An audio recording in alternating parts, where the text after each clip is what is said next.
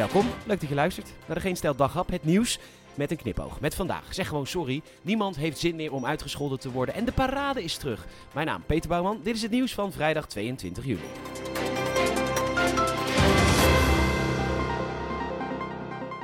Weet je nog, vroeger, je kreeg ruzie met een klasgenootje en je duwt hem in de brandnetels. Ja, ik heb er nog steeds spijt van, want Sander zat helemaal onder de brandwonden van die brandnetels. En dat alleen maar omdat hij me een dikke, vieze, lelijke homo noemde. In retrospect was ik ook een dikke, vieze, lelijke homo, dus hij had gewoon gelijk. Ik was gewoon nog niet uit de kast. Maar goed, ik had op een schorsing gerekend, maar meneer de Bond, geen familie, zei tijdens de scheikundeles gewoon, geef elkaar een hand, zeg sorry en we kunnen door. Vroeger kon je gewoon, het spijt me zeggen en dat was het. Dan was het gewoon goed. Nou, dat heeft de Rabobank vandaag geweten. Zij zeiden in feite sorry voor de verstrekte leningen voor de schaalvergroting in de agrarische sector bij Trouw.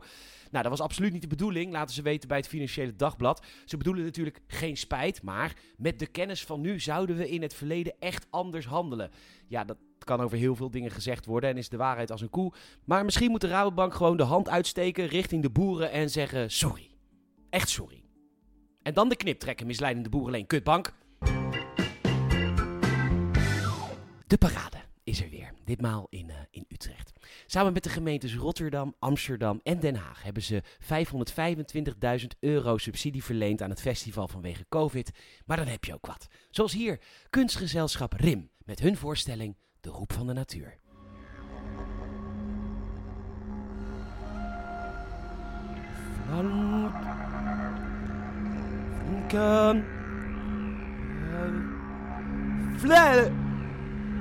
Hình...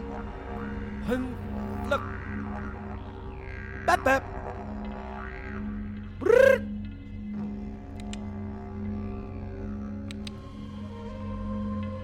Bếp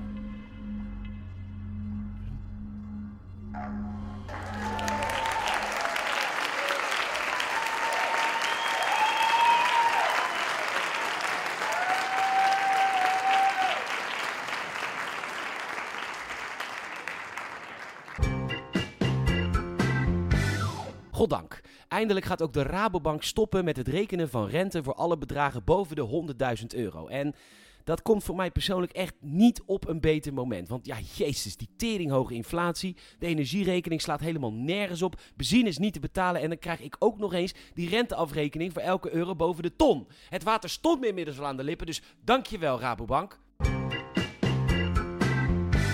De Telegraaf kopt. Uh, zelfs sterrenrestaurants kampen nu met personeelsgebrek. En dat is volkomen logisch. En dat zelfs kan er ook wel vanaf. Want, zo maakt het artikel pijnlijk duidelijk. Het is helemaal niet leuk om voor een sterrenzaak te werken. Want je wordt uitgescholden als je een fout maakt. De werkdruk is belachelijk hoog. En sterrenchefs zijn over het algemeen zo in hun eigen succes gaan geloven. dat ze denken gezonden zijn door de heren zelf. Ik beantwoordde sollicitatiebrieven niet eens. Laat een sterrenchef weten over de periode voor COVID. Ugh. Vind je het gek dat veel mensen die vertrokken zijn uit de horeca niet meer terugkeren? Voor een hongerloon aan de slag en als je een fout maakt, dan krijg je te horen dat je een minneprutser bent die de naam van de sterrenzaak niet waard is. Mensen die later aan de slag gingen in een andere bedrijfstak, doodsbang waren toen ze een fout maakten en toen te horen kregen: hey joh, kan gebeuren, probeer het er gewoon nog een keer. Menselijk. Wellicht een goede tip voor de sterrenzaken. Dan verlies je je ster. Kan gebeuren. Maar dan probeer je het er gewoon nog een keer. Dit maar met een leuke werksfeer. Vervelend stukje racisme in het Algemeen Dagblad vandaag. Oekraïners zijn schoon en echte doorpakkers.